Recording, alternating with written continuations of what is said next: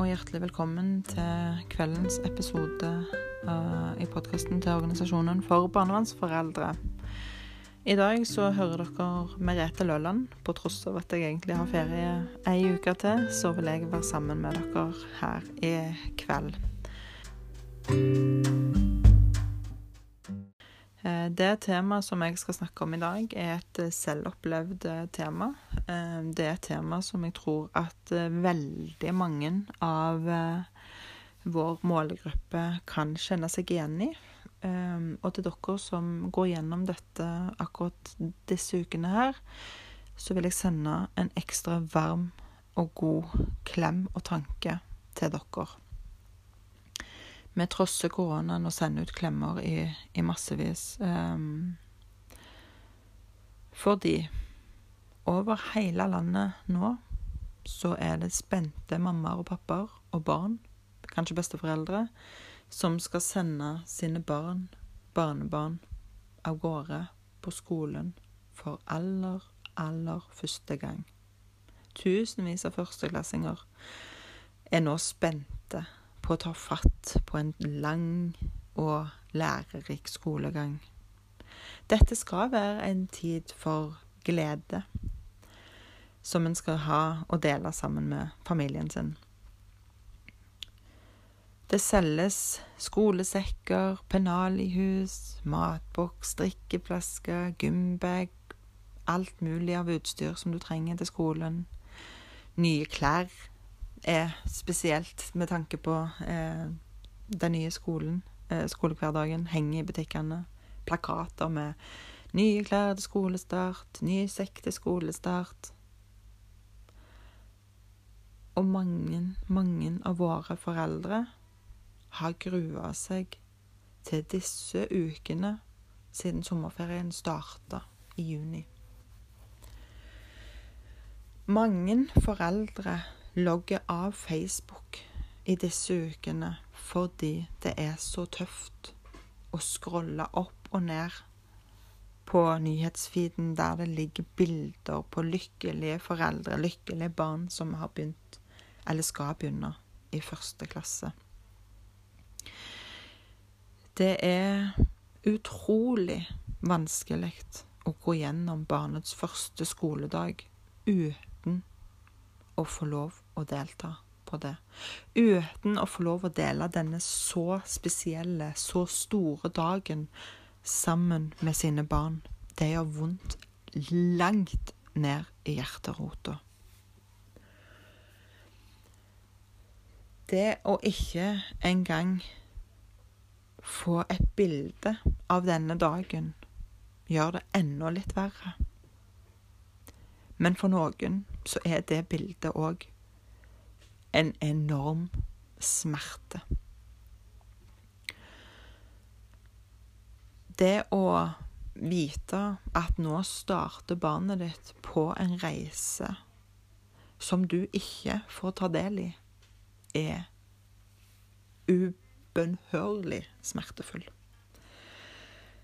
Eh, og dette her, eh, første skoledag, er jo bare begynnelsen på en rekke store opplevelser barnet ditt skal ha i sitt liv, som du som mamma eller pappa ikke får ta en del av. Enten det er juleforestilling, eller det er eh, foreldremøter. Det er dugnad med de andre foreldrene. Eh, det er eh, å se 17. mai-toget. Mange av barnets milepæler skal du nå ikke få ta del i. For noen foreldre som kanskje rett før sommerferien, eller kanskje i løpet av sommerferien, ble fratatt omsorgen, så er første skoledag den største og første milepælen foreldre ikke får ta del i. For noen så er dette bare en rekke av mange opplevelser barnet skal gjennom, som en ikke får ta del i. Og uansett om det er den første eller om det er den tiende, så er smerten kanskje like vond å leve med og like vanskelig å håndtere. Om det finnes en god måte å håndtere dette på, det vet ikke jeg. Eh, jeg forstår de mange foreldre som logger seg ut av Facebook og ikke orker å forholde seg til det. Allerede på onsdag så begynner noen forventningsfulle barn på skolen. Noen begynner på torsdag, mens noen andre må vente til neste uke. Så dette er jo ikke en prosess som varer én dag, og så er det over. Dette her varer ei uke. Det varer helt til foreldre på Facebook er lei av å legge ut første skoledagsbilder av barna sine, og en tåreskvett der de er så stolt av barna sine en dag med foreldre ikke får ha eller delta sammen med barna våre. Noen foreldre får ikke delta på denne dagen av gode grunner, men de aller, aller fleste av oss har overhodet ikke fått en begrunnelse det er mulig å leve med.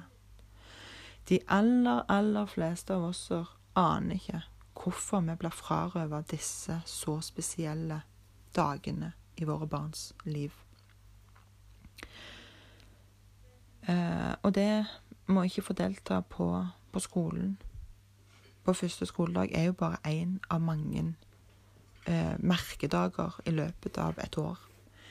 Det er farsdag, det er jul, det er morsdag, det er bursdager, bryllup, begravelser.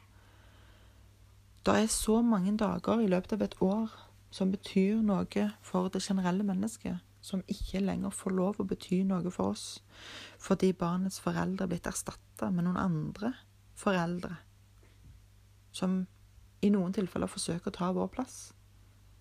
Og i noen tilfeller så gjør de en fantastisk jobb. Men den mest fantastiske jobben, det gjør de fosterforeldrene som er rause nok til å dele disse store øyeblikkene med oss foreldre. Det er de barnevernstjenestene som ser at vi foreldre kan være en ressurs for våre barn, og ikke bare en belastning. Det handler mye om barnets beste. Eh, vurderingene barnevernstjenesten gjør, skal jo være barnets beste. Så det, når barnevernstjenestene begrunner hvorfor det ikke er til barnets beste at foreldre deltar på første skoledag, eller på skoleavslutning, eller på ja, hvilken som helst dag det er, så skal jo hver eneste um, avslag skal jo begrunne med hvorfor det ikke er til barnets beste. Og begrunnelsen etter en helhetsvurdering eller etter en barnevernfaglig vurdering, så er ikke det til barnets beste. Det holder ikke mål. Det har Høyesterett, det har EMD slått fast, at det skal en videre og bredere begrunnelse til hvorfor disse dagene, disse situasjonene, blir avholdt uten foreldres deltakelse. Så det er min oppfordring. Eh, det hjelper jo selvfølgelig ikke til første skoledag om ei uke, eh, men det kan hjelpe til andre situasjoner. Be om begrunnelse. Når barnevernstjenesten kommer med en begrunnelse dere ikke klarer å forholde dere til fordi den ikke inneholder noen reelle opplysninger dere kan jobbe videre med, så send det til Fylkesmannen. Klag de gangene dere opplever at dere blir avspist av barnevernstjenesten med en lite innholdsrik forklaring. Etter en barnevernfaglig vurdering er ikke dokumenterbart holdbar. Eh, for det, da skal dere vite hva den barnevernfaglige vurderingen går ut på. Hva har de veid fordelene og ulempene opp mot hverandre, og hele tiden tatt hensyn til barnets beste? Jeg vil tro at svaret i de aller fleste tilfeller vil være nei. Så selv om det ikke hjelper akkurat til denne uka eller denne situasjonen, så bruk det for det det er verdt i alle situasjoner dere ønsker å dele sammen med barnet deres. Spør om begrunnelse. Søk i god tid. Be om begrunnelse. Er begrunnelsen ikke god nok, send gjerne en klage til Fylkesmannen. Det er Det er ikke nok til å komme godt igjennom eh, kanskje disse ukene, men det kan være et lys i tunnelen for noen av dere. Eh, det, jeg har stor forståelse for at dette her er tøffe perioder, men dere skal vite at dere er overhodet ikke alene. Eh, det kan for noen hjelpe litt å vite at dette her er det mange som går igjennom, og for noen av dere vil det være godt å kunne dele den smerten dere går igjennom i dag, med andre som går gjennom den samme smerten i år, eller har i fjor eller forfjor opplevd akkurat det samme. Det kan være godt å dele disse tankene med, med noen andre. Um, jeg håper og tror um, at uh, ting vil bli bedre. Uh, vi har mange saker som ligger i EMD. Høyesterett har uh, kommet med noen føringer som er annerledes enn de har vært tidligere. Vi hører og ser at lagmannsrettene og tingrettene nå gjør andre vurderinger enn de har gjort før. De er mer kritiske til barnevernstjenesten sitt arbeid, og flere og flere får mer samvær. Og vi har hørt om flere tilbakeføringer bare i 2018 Nei, unnskyld, i 2020 enn vi har hørt de siste årene. Eh, det sier veldig mye om disse endringene som er i ferd med å skje. Og for deg som sitter i en krise akkurat i dag, så varmer kanskje ikke disse ordene så mye.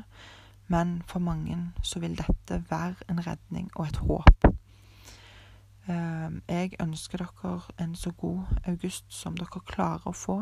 Jeg vet at dette er tøft for dere, og ta gjerne kontakt med Organisasjonen for barnevernsforeldre hvis dere trenger noen. Og støtter dere gjennom disse vanskelige ukene.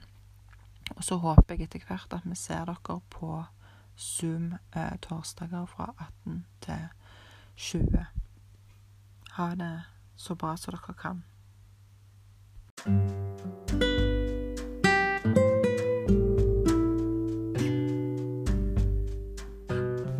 Neste uke så skal dere få høre litt om utfordringene som er knytta til det å finne seg ny partner som barnevernsmamma eller pappa. Så følg med neste mandag for uh, den spennende episoden.